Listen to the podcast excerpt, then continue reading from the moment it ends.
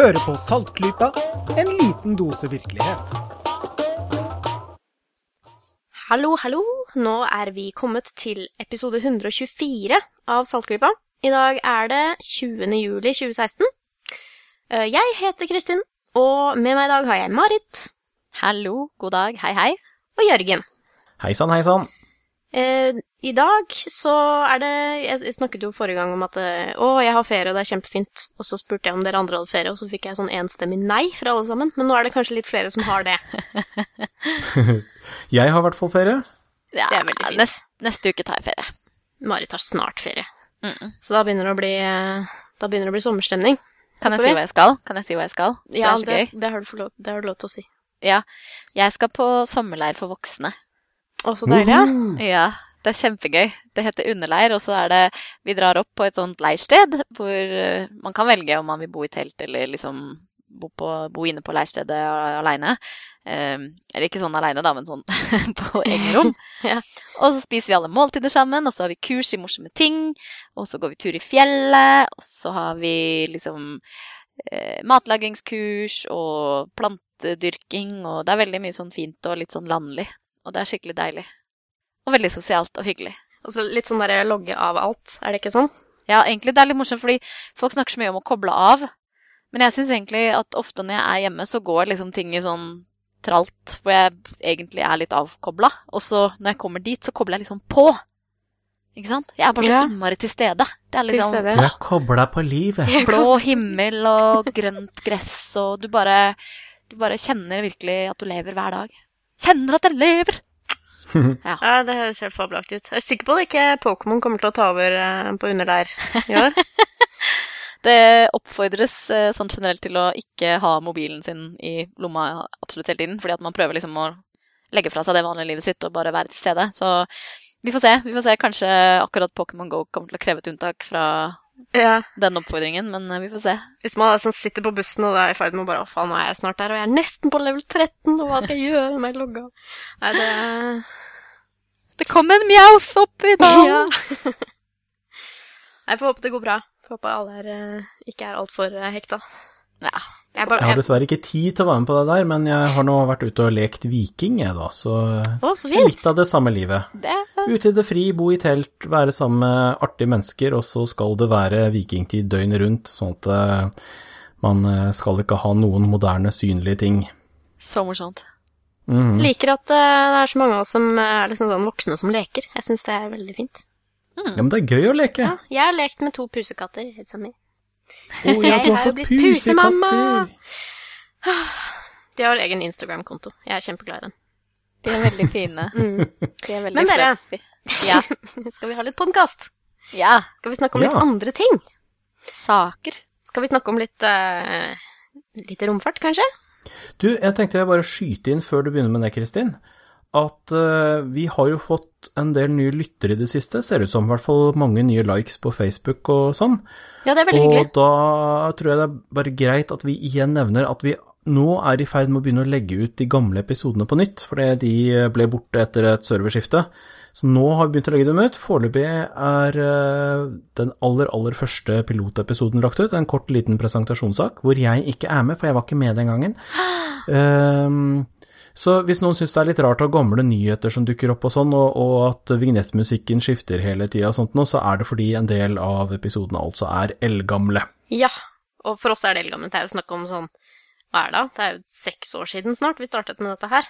Mm. Så det er, Ja, og særlig når det er nyhetsstoff, så er jo seks år ganske mye, da. Det er det. Så no, noen av disse nyhetene vi snakker om, er kanskje litt sånn som foreldes ganske fort. Eh, men eh, vi mener at eh, vi skal la lytterne våre ha tilgang til alle episodene våre, og derfor så gjør vi det sånn som dette her. Vi, og det er flere andre podkaster jeg hører på som også gjør. De kjører repriser. Eh, og vi begynner på førsten, vi. Ikke minst er det også veldig mange morsomme intervjuer og sånn da, som kommer. De går jo ikke ut på dato. Vi hadde, ja, vi hadde, vi hadde veldig mange gullintervjuer, altså. Det hadde vi, så der er det mye fint, da. Ben Goldacre og Richard Wiseman og Simon Singh har vi vel snakka med, og James Randy. Eh, James Randy. Ah. Og kule folk. Det kommer, det kommer. Og jeg tenkte jeg skulle legge ut eh, minst én episode til akkurat nå i kveld, etter at vi er ferdig med innspillingen. Så det blir gøy. Veldig bra. Veldig bra.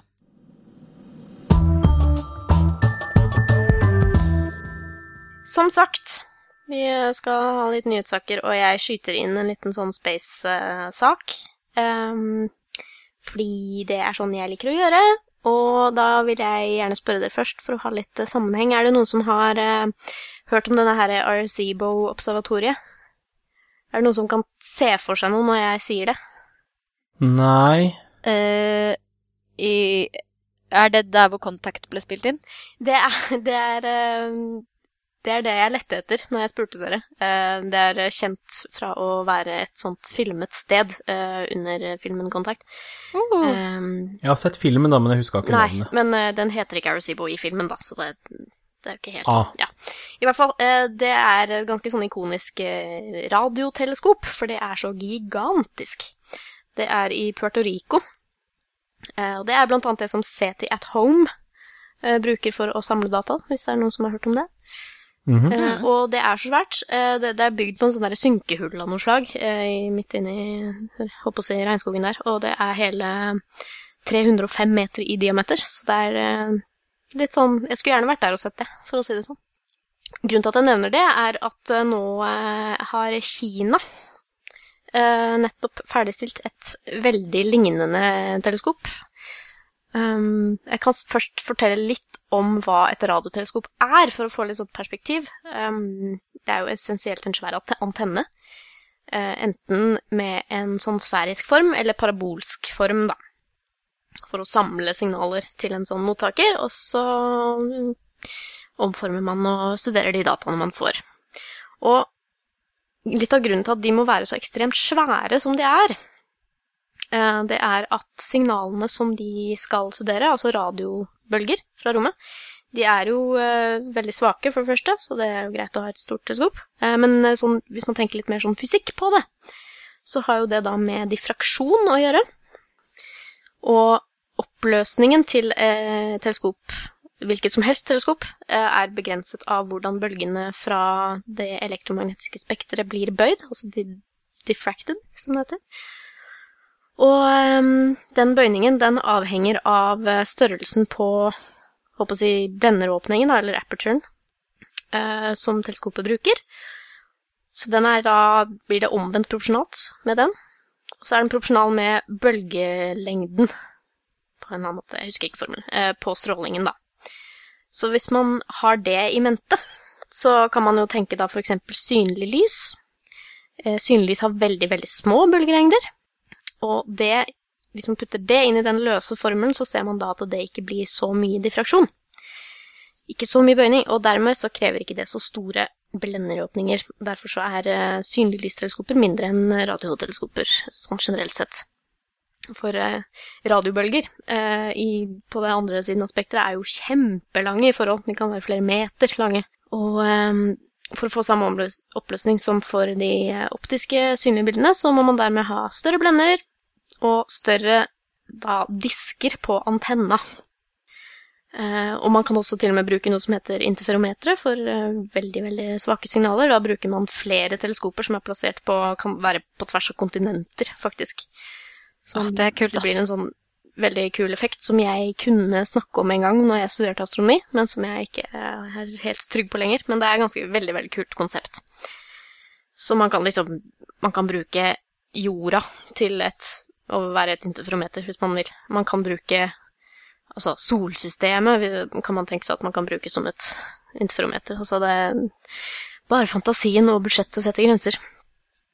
Men eh, Kina, altså. Jeg har jo nevnt eh, romprogrammet og romforskningen til Kina før. Det er jo eh, lett å snakke om NASA og den europeiske romfarten og sånn, men det er veldig lurt å nevne andre land i verden. Eh, de har et ganske heftig romprogram, de. Jeg har jo snakket om månelandingsfartøyet deres før i Saltklippa, vet jeg. De har også en sånn der romrobot som landa på månen sammen med den, som rullet rundt. Eh, Kina eh, de satser også på en eh, tur til Mars, med, også med, da med en rover, i eh, 2020. Men skal den ha Twitter-konto? Jeg håper det. Jeg håper den twitterer også på engelsk, da. For oss sånn ikke- Wobei, hva er det det heter for noe igjen? Det Ja, Veibo. Weibo. Weibo. Det får de sikkert i hvert fall. De har også lyst på å bygge en romstasjon, har jeg hørt. Så det er ikke sånn leke... De leker ikke romfart. Det gjør de ikke. Så nå har altså Kina eh, konstruert ferdig eh, for noen dager siden. Et eh, radioteleskop som eh, er effektivt sett omtrent på størrelse med Arecibo-teleskopet. Så det er en gru- gruelig svært eh, overflate til å observere med. Men eh, rent konstruksjonsmessig så gjør dette nye teleskopet Arecibo til en eh, søt liten asjett, faktisk. For det er jo bygd mye større. Jaha. Det heter jo faktisk 500 meter aperture spherical telescope, altså FAST. Eh, så selve diameteren på det som er bygd, er eh, ca. 500 meter. Og eh, det i Arcibo er sånn 300 og litt. Så det er ganske mye større. Eh, nå har jo det mm, i Arecibo har en sånn effektiv overflate på 270 meter i diameter. Det er det som på en måte bruker, teleskopet bruker. Og dette nye bruker da litt mer enn det, så 300 meter, da. Eh, Så sånn eh, observasjonsmessig så er de omtrent like store, men eh, dette her er helt gigantisk bygd. Det, er, det har et kinesisk kallenavn. Det kalles Tianyan. Jeg uttaler sikkert det helt feil, men det betyr altså da himmelske øye. Det befinner seg sydvest i Kina. Har tatt fem år å bygge, og i september i år, 2016, så skal det da være i operasjon. Det er faktisk ikke det største eh, radioteleskopet i verden, verken Arecibo eller dette. Eh, det fins et i Russland som er, har en overflate på 576 meter i diameter, tror jeg. Men uh, forskjellen her, det er ikke en sånn disk som er fylt inn. Det, er, det er sånne rektangulære overflater, sånne reflektorer som er plassert litt sånn ymse steder. Så hvis man ser på formen på det, så er det dette fast da, som er det største. Så da kan man eh, det som, det som er liksom mest eksotisk med radioteleskopet, er jo det at man eh, søker etter radiobølger fra aliens, da, vet du. Det er jo den, den berømte måten man bruker radioteleskopet på. Men også eh, kan man jo lete etter spor av liv, eller spor av kimen til liv, i form av aminosyrer som flyter rundt i verdensrommet. Livets byggeklosser. Ja. Og man kan se på veldig mye spennende radiokilder i eh, det fjerne verdensrom. Pulsarer og kvasarer og sånne ting. Og også faktisk gravitasjonsbølger. Som jo nylig er blitt en ny, en ny eh, observasjonsform. Eh, Hvis man har hørt det på noen gamle episoder av Saltklypa, så har man fått med seg det. Så, så så jeg i en sak som vi skal linke til, at det er ikke alle som har tjent så innmari mye på dette her, for de skal ha jo flyttet på over 10 000 mennesker som bodde i nærheten. Eh, De, jeg tror ikke de ble kompensert med en, million hver, liksom. For science. For science, ja. Nei, saken er at de må ha en radiostillhet på en viss radios rundt dette her, eh, rundt dette her teleskopet. Sånn er det. Så ja, det er ikke alle som sikkert ble sånn kjempeglad, men eh, ja. Vi, eh, vi håper det, det kommer i hvert fall veldig mye interessant vitenskap ut av dette her, da. Det var det jeg hadde tenkt å si om eh, Romnytt denne gangen. Det er kult, da. Ja, det syns jeg er ganske kult. Det er kult å se på. Ja.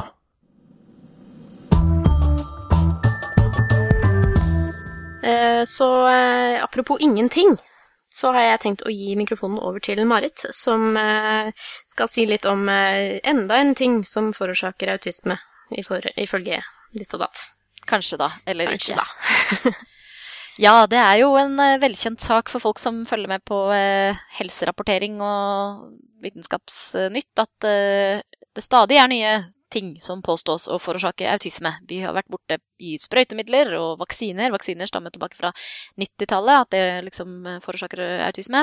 Eh, ja, mange forskjellige forklaringsmodeller der, og statistikken har stort sett ikke kommet noen vei med det. Men eh, ganske nylig så var det en eh, større studie fra Spania, hvor det var 2744 foreldre og barn, eller mor og barn-par, som ble undersøkt eh, da når barna var ett år og når barna var fem år.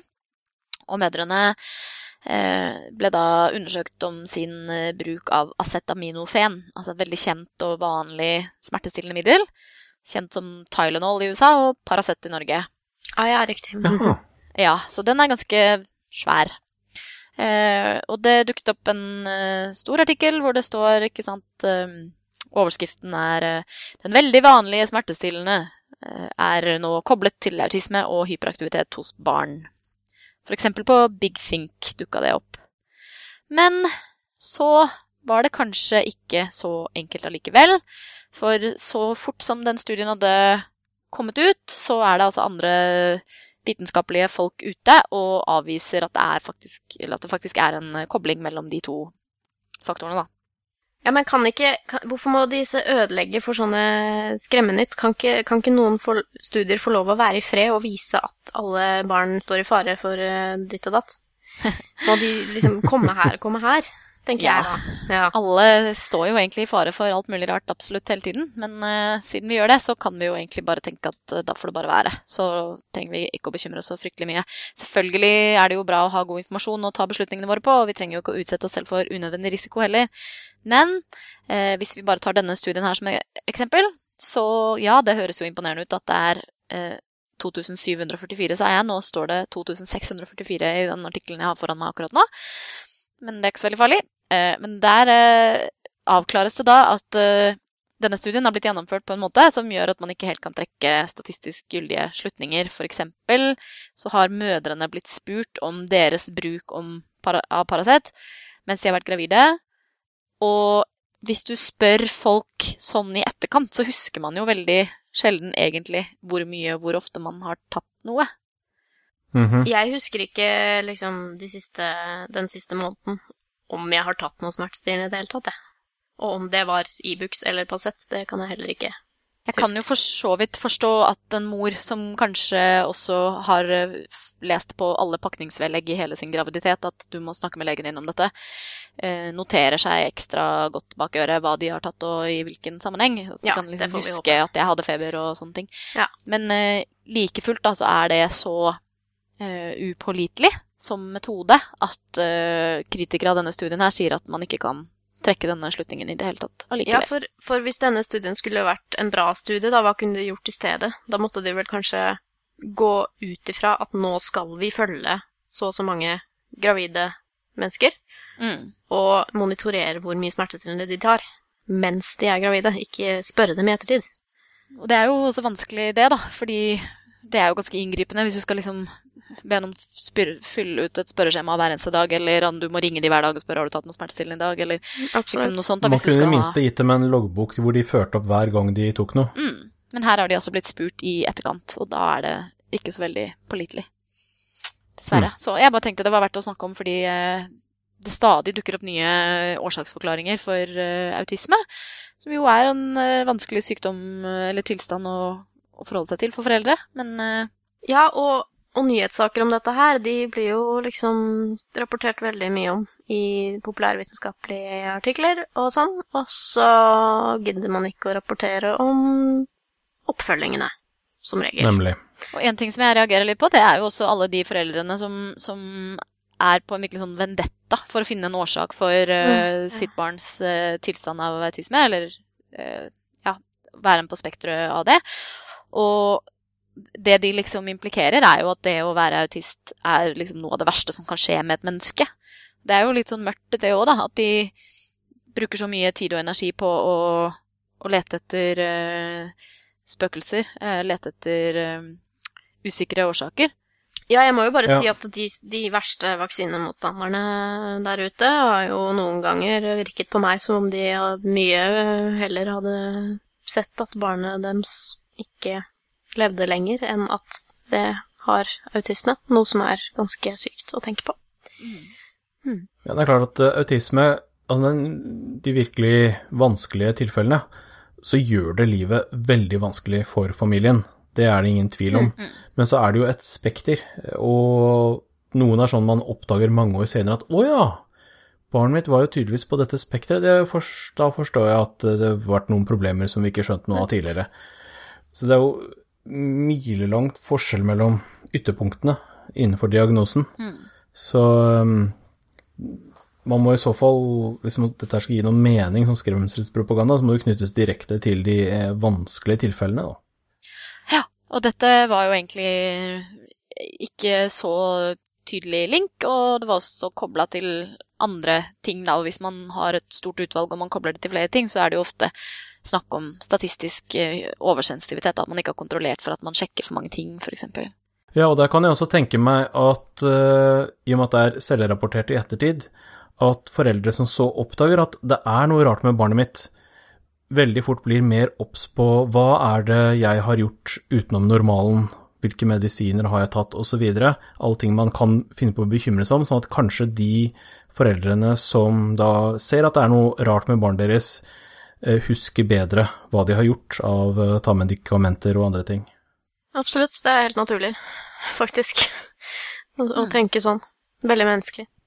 Ja, så da bare i den sammenhengen så er det jo viktig at mediene er bevisste på, på sin rolle i det her. For hver gang de poster en sånn artikkel så, som bare lenker til en studie som fremdeles er ukonklusiv, eh, eller ikke har konkludert med noe ennå, og de fleste i de vitenskapelige miljøene er enige om at her trengs det mer forskning, så fører det der til ganske skremmende reaksjoner. Og bare som en sånn øvelse nå, så googla jeg acetaminofen og autisme, og det dukket opp ganske mange lenker eh, med påstanden om at disse to henger sammen. Selv om da det egentlig i virkeligheten er et eh, jeg skal ikke si helt åpent spørsmål, men et spørsmål som i hvert fall ikke er avgjort i uh, positiv forstand. Da. Mm. Mm. Mm. Nei, men det er godt. Det er godt mediene har oss som uh, merker dette. Vi rydder opp. Rydder opp. I hvert fall til de tre-fire som hører på oss. Ja, det er jo mye dårlig, dårlig medierapportering. Som jeg sa, så er det jo så litt sånn årsakssammenhenger og sånn. Eh, har jo gjerne å gjøre med mer eller mindre dårlig statistikk. Og det har du også funnet en liten sak om, Marit. Ja, jeg kom over en eh, kommentar i The Guardian som jeg bare syns var så knakende god at eh, jeg syns den var verdt å snakke om. Og det er en liten guide til å lære seg å se dårlig statistikk eller dårlige tall. Uklare tall eller ljugende tall. Eller Dodgy Stats, som det heter på erkebritisk. Dodgy stats, ja. Jeg bare hører eh, stemmen til Ben Goldwaker ja, når jeg, sier sånn Dodgy Stats. Ja. Han er litt sånn. Han bruker det ordet. Eh, Ja.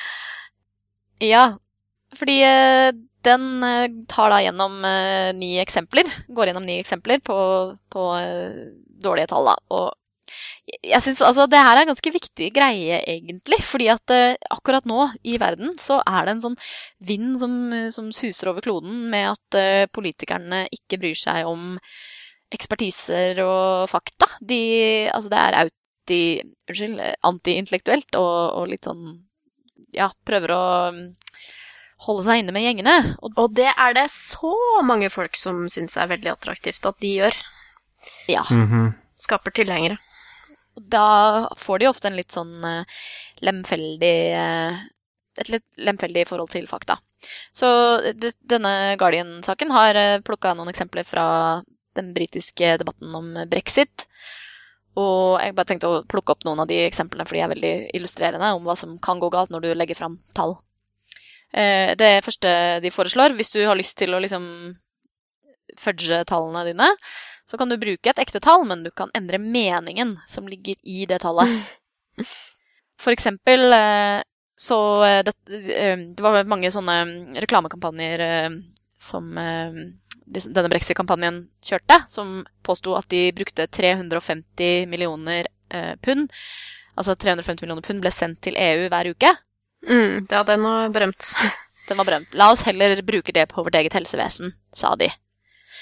Men så egentlig så er jo det tallet sammensatt av mange ulike ting, og egentlig så er ikke det tallet så stort. Det er mer sånn 250 millioner hvis du tar med på en måte hva England får tilbake fra EU. Eh, veldig mye kommer tilbake i form av eh, landbrukssubsidier og liksom eh, tilskudd til fattige regioner i England. Så egentlig så er bare figuren 136 millioner. Men hvis du titter i en rapport, så er det jo et tall der som er 350 millioner i uka. ikke sant? Mm. Men det er lurt å titte bak, da. Ikke sant? Det er et ekte tall, men meningen i det tallet er ikke riktig. Mhm. Det, en annen ting de sier du kan gjøre, er å få en, tallet til å se stort ut. Men ikke for stort, bare sånn passe stort. Fordi 350, 350 millioner i uka, for eksempel, det er jo også det samme som 19 milliarder i året. Men 19 milliarder i året for et menneske, det høres jo bare her Det er bare sånn blæ. Du har ikke noe forhold til det. Det er bare svært. Mens 350 millioner i uka, hvis de liksom, når de får splitta det opp, da, og du får det ned på et sånt nivå som er ned på millioner, så er det noe som vi mennesker kan tenke oss å forholde oss til. De kunne jo også ha sagt f.eks. 50 millioner om dagen. Men da kunne man kanskje blitt frista til å dele det på befolkningen i England og funnet ut at det bare er litt potetgull hver dag eller noe sånt. nå. Ja, ikke sant? Så du må liksom Mhm. passe på at det er skalert på en måte som høres imponerende ut, da. En annen ting du kan gjøre, er å eh, bare litt sånn lemfeldig foreslå at det er en sammenheng mellom ting som bare er korrelert. En påstand som dukket opp i, eh, i England nylig, var at eh, 6000 mennesker mister livet hvert år fordi man ikke har syv dagers tjeneste på sykehusene, altså at det er helgebemanning, da. Men eh, det er mange som har studert det der, og det, ser, det er riktig at det er flere som dør i helgene. Men det er ikke, ser ikke ut som at det er korrelert med antallet mennesker som er på jobb. Det er mer at folk har fritid og kanskje gjør irregulære ting, og kanskje havner i flere ulykker. Ja. Ikke sant? Den typen årsak, da. Litt mer kjøreturer og litt mer eh, sports... Uh, Ja. Bare sånn for å være fair, så de, de påstår ikke De sier ikke noe om hva den årsaken er, jeg bare spekulerer litt i det selv. Men de sier i hvert fall at det ikke er en eh, Det er i hvert fall ikke noe forhold til antallet på jobb. Mhm. En annen ting du kan gjøre, er å velge definisjoner etter hva som tjener ditt formål best. Eh, Det har f.eks. dukket opp ulike tall om hvor mange sykepleiere det er i eh, helsetjenesten i England. Eh, For eksempel så var det en som sa at det var 2500 færre enn tidligere, og så var det en annen som sa at det var 3000 flere. Ah, ja. Men eh, da det Ulikheten i de to tallene er antallet mennesker som arbeidet som sykepleier, og antallet fulltidsstillinger som det var. Riktig. Så det er veldig forskjell på fulltidsstillinger og antallet mennesker som fyller alle de fulltidsstillingene. ikke sant? Mm. Mhm. Hvis du splitter de opp. Eh, noe annet som vel er kjent for de fleste, det er at du kan bruke eh, hele tall istedenfor proporsjoner. For da kan man bli skremt. eh, Ja, det er veldig effektivt. Ja, eller motsatt, da. Hva som passer, på, hva som passer til argumentet ditt, da. Um, en annen ting man kan gjøre, det er å bare absolutt ikke gi noe som helst uh, relevant kontekst. Man kan uh, snakke om uh, at kriminaliteten går opp, men kanskje da ikke snakke om hvordan hva folk rapporterer inn, har endret seg. Sånn at kriminaliteten kanskje er på samme nivå som før, men det er mer som blir rapportert inn, mer ting som blir anmeldt, da, fordi det har man lært seg at man skal gjøre. Ja, det er det samme som eh, visse eh, rare mennesker på nettet bruker når de sier at eh, om så og så mange år så kommer 50% av alle elever til å være autister. Mm. Det er litt sånn samme Ja vel, men kan det ha noe med liksom Altså, kan økningen i autisme ha noe med at vi har utvidet spekteret og faktisk fanget opp flere diagnoser? Ikke Liksom. sant? Nettopp. Det er relevant kontekst. Ja.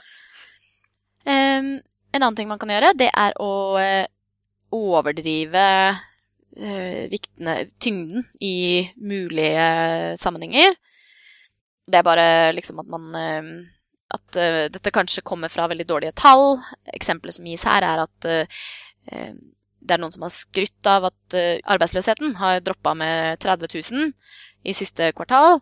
Men så er det egentlig bare et estimat som er basert på en liten spørreundersøkelse. Og det estimatet har en feilkilde på, eller feilmargin på 80 000. Sånn Når man snakker om 30 000, og det er en feilkilde på 80 000, så vet man egentlig ikke noen ting. Ok, Ja. Så det kan ha gått opp 50 000 også? Ja. En annen ting man kan gjøre, er at man tar eh, og setter i gang et eh, policy-initiativ, og så sjekker man hvordan det har gått etter en uke. Og så hvis det har gått opp, så sier man 'dette går kjempebra'. Og så vet du jo egentlig ingenting, fordi det, du kan ikke si noe om hvordan det har gått etter en uke. Du trenger å få, få ting litt til, til å rulle da, før du kan måle det på en pålitelig måte. Ja, akkurat sånn som når jeg flyttet litt sparepenger inn i et eh, fond istedenfor sparekonto på, i banken. Og så bare etter eh, en måned så bare Å, shit, jeg har tjent så mye penger! Og så er det liksom Du må jo se på det etter fem år, liksom. du kan liksom Ja, hvis du har investert alle pengene dine i Pokémon Go nå, så Ja, ikke sant? Nei, Nintendo-aksjen er jeg litt for seint ute med, altså. Det, ja, vi må fortsatt snakkes om fem år. mm. Se om det var verdt noe. Selv om du har gått opp mye denne uka her. ja, jeg, skulle, jeg skulle tenkt på det for eh, to-tre uker siden. Og hvis eh, alt annet feiler, så kan man jo gjøre som eh, enkelte, f.eks. Donald Trump, og bare finne på, finne på tall. Jeg beklager at jeg ler, for det er jo ikke morsomt. Nei, Det er jo faktisk ikke ikke. morsomt. Det var morsomt litt før, men så er det plutselig dødsens alvorlig. Så i uh, november i fjor så uh, tweeta Donald Trump en uh, Ja, det var riktignok eh, et bilde han har funnet et eller annet sted, da, men som inkluderte påstanden om at hvite mennesker som blir drept av svarte i USA, det var 81% av eh, de som blir drept, eller noe. Citing The Crime Statistics Bureau San Francisco. Men så var det noen som fact-sjekka det her, da, bare titta på det, og de fant jo at dette henger jo ikke sammen med noe som helst som man kjenner til. Byrået fins ikke engang, og den Hmm. riktige figuren er sånn 15% Ikke 81, altså, men 15. Ja.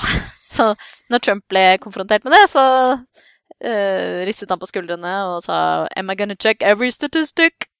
Ja, det er jo det som er det verste, at han faktisk svarer det.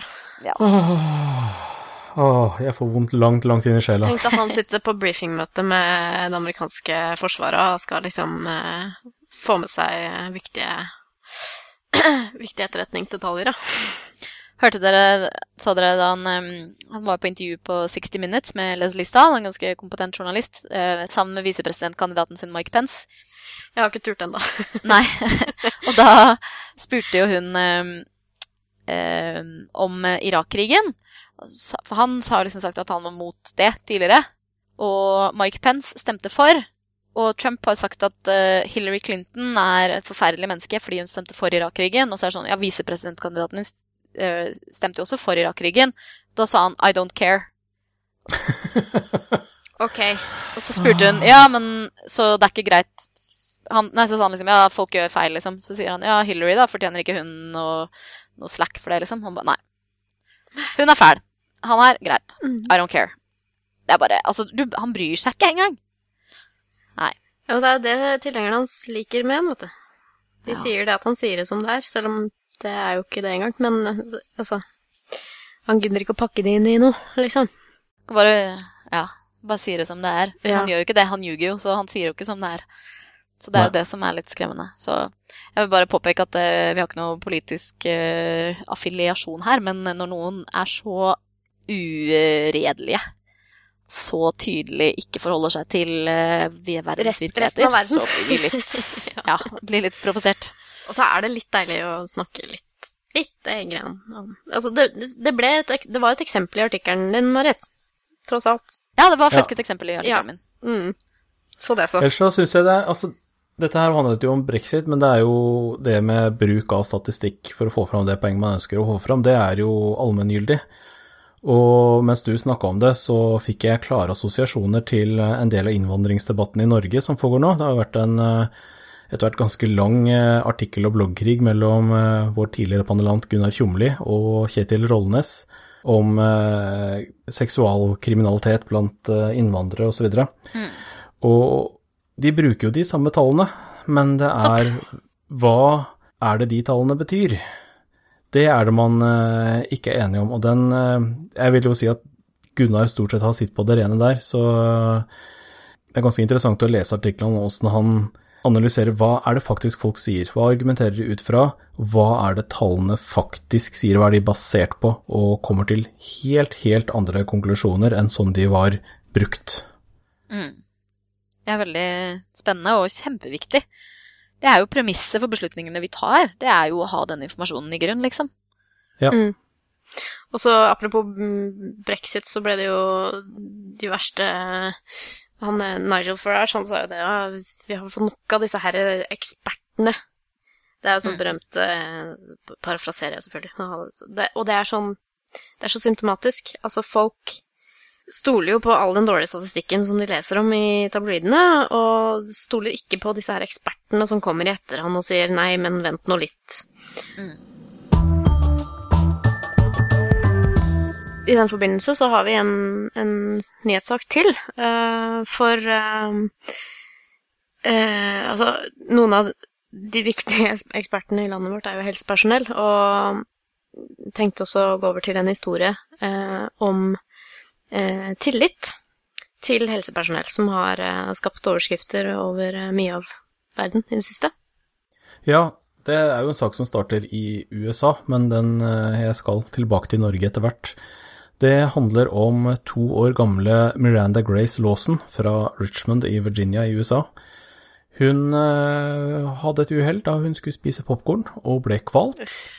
Og det er ja, forferdelig historie. Eh, hun har da havna i koma, og legene mener at hun nå er hjernedød og ønsker å få testa ut dette her og skru av respiratoren. Og foreldrene nekter. Og de nyhetssakene som da har spredd seg rundt om i verden, tar stort sett utgangspunkt i foreldrenes kamp mot at respiratoren skal skrus av.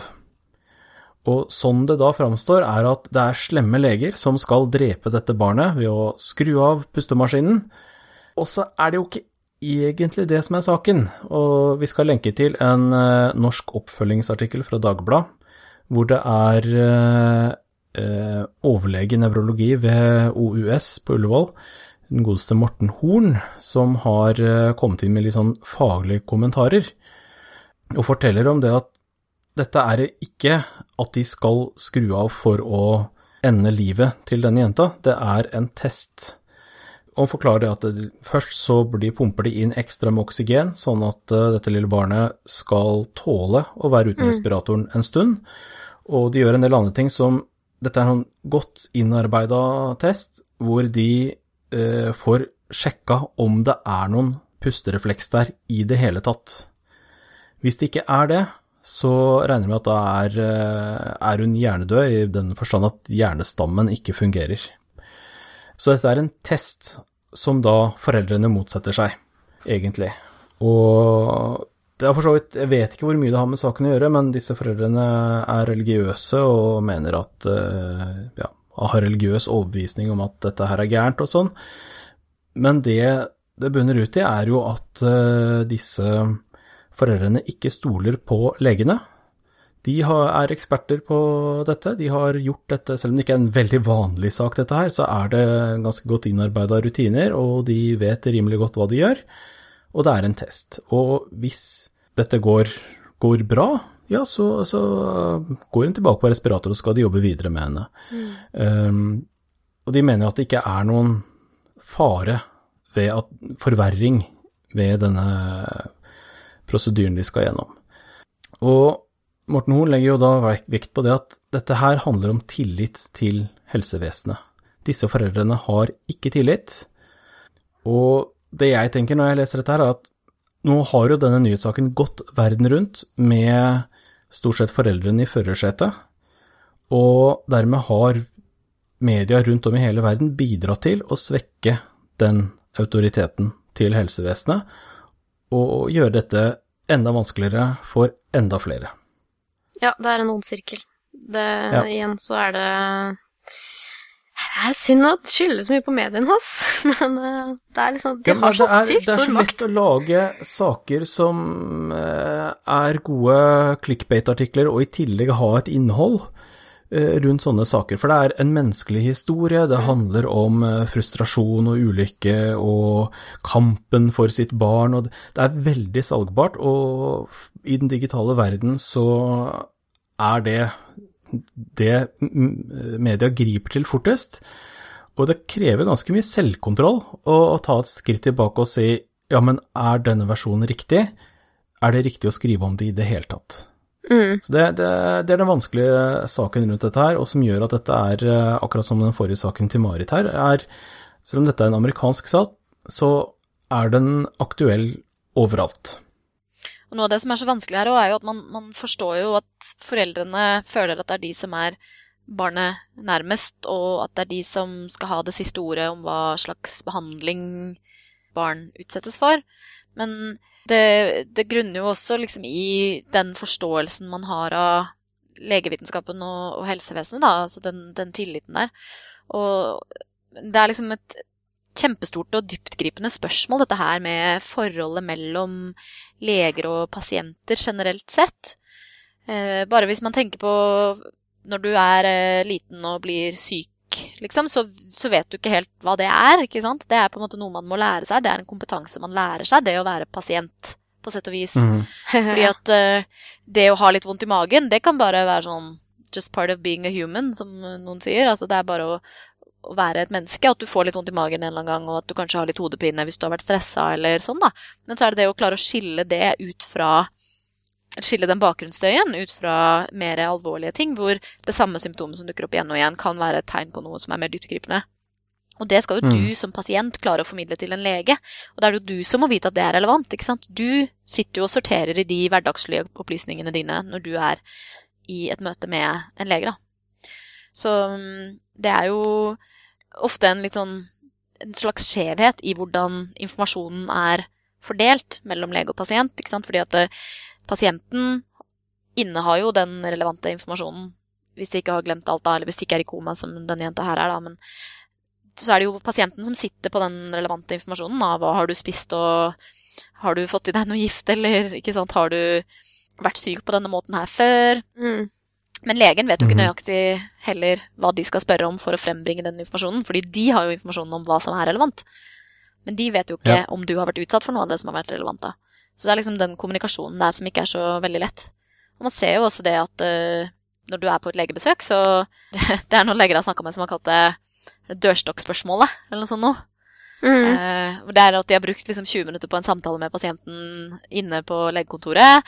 Ja, de har fått en resept på et eller annet, og greit nok, liksom. Og så går de, og så stopper de på dør dørstokken og bare Men du, forresten, så jeg hadde blødig avføring her om dagen. Blødende avføring her om dagen. Er det et problem? Oi. Sant? Sånn, Oi, det endrer jo bare hele alt vi har snakket om, ikke sant. Og det er på en måte sånn vi mennesker er. Vi trenger litt tid på å bli komfortable. Ja. Vi trenger litt tid på å få den tilliten, da. Den, det følelsen at vi, vi er på like fote med, med den vi snakker med. Og da klarer vi å, å avsløre noe som kanskje er litt pinlig, eller noe som vi Det er bare sånn Jeg gidder ikke å nevne det her, for det virker ikke viktig. Det, det kan være noe mye mindre enn blodig avføring. Liksom. Det kan bare være sånn Du, forresten, så hadde jeg veldig mye hodepine også i forrige uke. Er det relevant? Ikke sant? Du liksom får slengt inn det på dørstokken, da. Mm. At det, det er viktig at du får inn den, den tingen der. Viktig at det blir et samspill. Det er jo ikke alle mennesker som har, eh, som har like lett for å kommunisere med en sånn person, da, som en lege. Mm. Går inn på et kontor, og så sitter de kanskje der og ikke helt vet hva de skal si, og så Mm. Blir det det er vanskelig det for begge. liksom Vi kjenner jo vår egen kropp best, og det er jo vi som er ekspert på vår egen situasjon. Men samtidig så har jo også legene veldig mye informasjon om den generelle eh, body of knowledge, eh, som det heter. Så vi må jo også ha en tillit til at de har tilgang på den informasjonen de trenger, og kan skaffe seg den informasjonen de trenger da, i, i sitt virke. Det er bare Mm. Det er en interessant sånn dualitet i det, liksom. At et- i det samspillet er så, så viktig og så vanskelig. Ja, nei, det er en vanskelig sak. eh, Men igjen da, så vil jeg bare rette dette her mot media. Vær for pokkeren litt forsiktige med sånne saker, for eh, det påvirker veldig, veldig mange mennesker når man eh, kommer med skremmende helsesaker.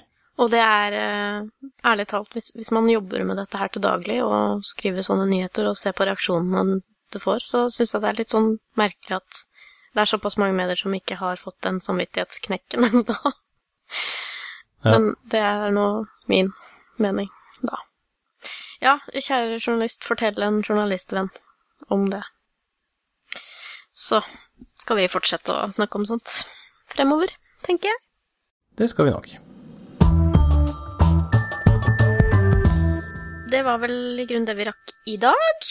Ehm, det, blir, det er fremdeles sommer. Eh, vi skal kose oss litt med det. Eh, selv om jeg da Gå ut i finværet, gå ut og gå. Gå ut og gå med Eh, med Pokémon-mobilen din.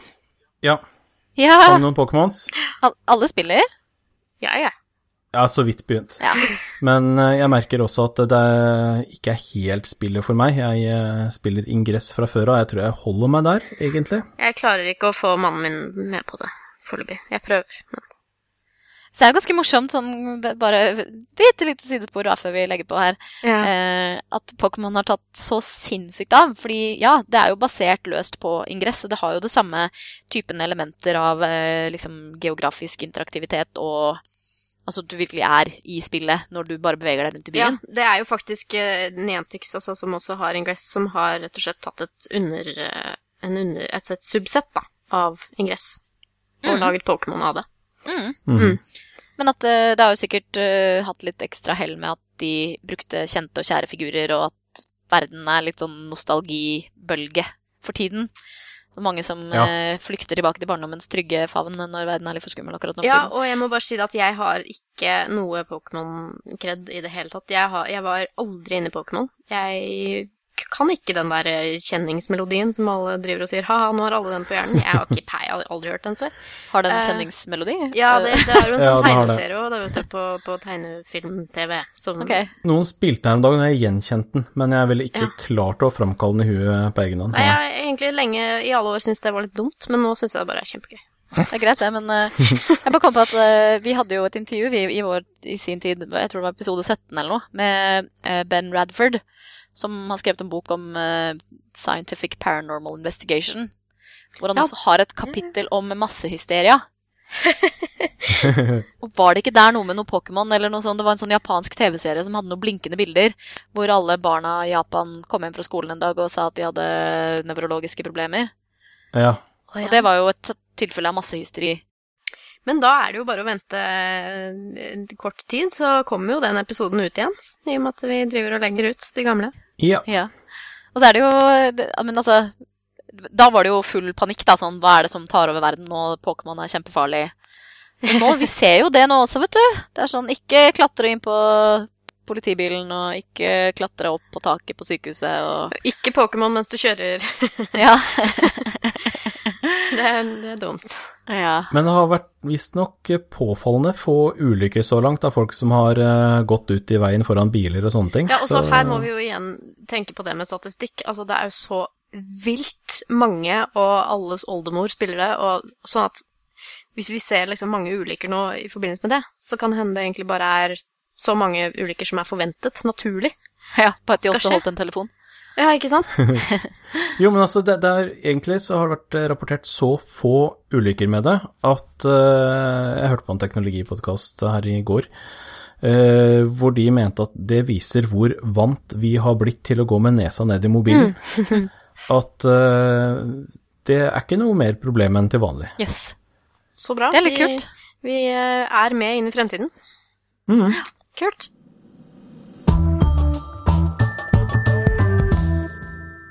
Rett før eh, Jeg snakket om sommer i stad. Rett før så tenkte jeg at Marit skulle avslutte med noen sine anbefalinger til, eh, som dekker alle våre sanser nå i, på slutten av sommeren. Ja. Eh, det første er iskrem. Jeg anbefaler iskrem. Iskrem er bra. Og Yeah. Til og med nå for tiden, vet du, hvis du er eh, enten laktoseintolerant eller eh, ikke tåler melkeprotein eller eh, er veganer eller hva som helst, Jeg er på slanke. får du jo Ja. Da kan jeg ikke hjelpe deg. Nei, Eh, jeg må hjelpe meg sjøl. så får du faktisk ganske mye bra iskrem nå, altså. altså jeg går nok for fløtevarianten selv, eh, for det er Mm. eh, iskrem er krem for meg. Men, men jeg vet også at det er dukket opp veldig mange ganske greie å lage hjemmeiser. Sånne veganske iser av liksom kokosmelk og lime og det er noen som lager karamellsaus av kokosmelk og sånn. Jeg bare Digg. Just go to the Google. Ja. Hmm. Iskrem er bra, og moderne matteknologi er bra. Så det var smakssansen. Det var smakssansen. Og så må vi jo selvfølgelig ha noe for øra, for det har vi jo alltid her. Vi klarer jo ikke å dy oss for å anbefale podkaster. Eh, Så jeg må anbefale noen podkaster. Jeg tenkte på eh, faktisk flere av tingene vi har snakket om i dag. Har blitt uh, toucha på av eh, en annen podkast som jeg hørte på tidligere i dag, som heter Invisibilia. Det handler om liksom, de usynlige kreftene som driver et menneske og et menneskesinn. Å nei, den må jeg nesten høre på. Da får Og den er eh, liksom et lite sånn spin-off-team fra Radiolab, for de som oh, Radiolab. på Det er jo genialt. Åh, nei, jeg, jeg, jeg kan ikke begynne å høre på enda flere podkaster. Det går ikke. Jeg kan gjøre det, Jørgen. Jeg kan ta støyten. Uh, og den, eh, ja, den er veldig bra. Den tar for seg litt sånne dypereliggende psykologiske fenomener og trender enn mange av de eh, mer overfladiske Jeg skal ikke kalle de overfladiske psykologipodkaster, men det er veldig mange psykologipodkaster som snakker om liksom fersk forskning eller veldig sånn kjente tankefeil eller tankemønstre. Men her går de litt sånn, de snakker litt mer om kultur og litt sånn eh, Forteller innmari fine historier, da. Så de hadde f.eks. en episode i dag som handlet om eh, frame of reference, altså hva er det man sammenligner seg med. Eh, og hvordan en eh, autistisk, eller en Aspergers eh, kvinne, aldri hadde opplevd eh, å, ha, å, å skjønne følelsene til andre mennesker før.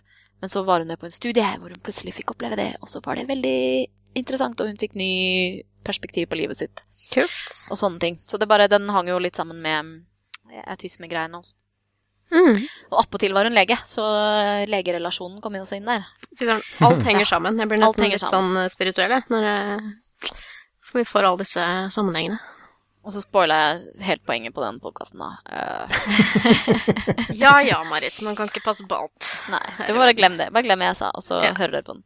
Uh, jeg må også anbefale en annen podkast som uh, henger sammen med statistikkpoenget vi har snakket om i dag. Den heter More or Less, og den er fra BBC. De tar for seg aktuelle tall og går litt dypere inn i dem. Det er veldig, veldig god eh, gjennomgang av liksom, store tall som er i mediene. F.eks. dette er sånn Er eh, pregnancy rates, rates going up eller ned? Det var veldig sammenblanding av norsk og engelsk. Jeg beklager det. Vi Ja, må ha det i eh, løpet av episoden også. tar for seg tall fra nyhetene og analyserer de dypt. Og så bare noe for øya sånn til slutt. Så tenkte jeg å slenge ut en liten anbefaling for en uh, bok. Det er egentlig en bokserie, men jeg kan bare begynne med en bok. For uh, folk som er veldig veldig vitenskapsentusiaster og, og syns at uh, dette her er vidunderlig og ukomplisert og aldri noe å tenke over to ganger, så vil jeg anbefale en bok av en par med vitenskapssosiologer. Og det er nok noen som vil tenke sånn Dette er en sånn bok for relativister eller, eller folk som prøver å rive ned vitenskapen. Men det er egentlig ikke det. Det er egentlig en bok som uh, viser deg veldig mange av de tingene det er verdt å tenke over. da, Som gir deg et rikere og mer nyansert bilde av vitenskap. Og Den heter The Golem. G-O-L-E-M. The golem, ja. Ja, Mm. Det er en kjent uh, jødisk mytologisk figur. Mm. Eh, og påstanden i den boken er at vitenskapen er ganske lik som en golem. Det er en, en bumbling figure made of eh, clay and water som ikke helt kjenner sin egen styrke. Um, og vi prøver å dirigere den i ulike retninger, men den liksom bare ramler litt fremover og vet ikke alltid helt hva den driver med. da. Og i den eh, boka så går de gjennom ganske mange interessante caser, f.eks. den tidlige søken etter gravitasjonsbølger.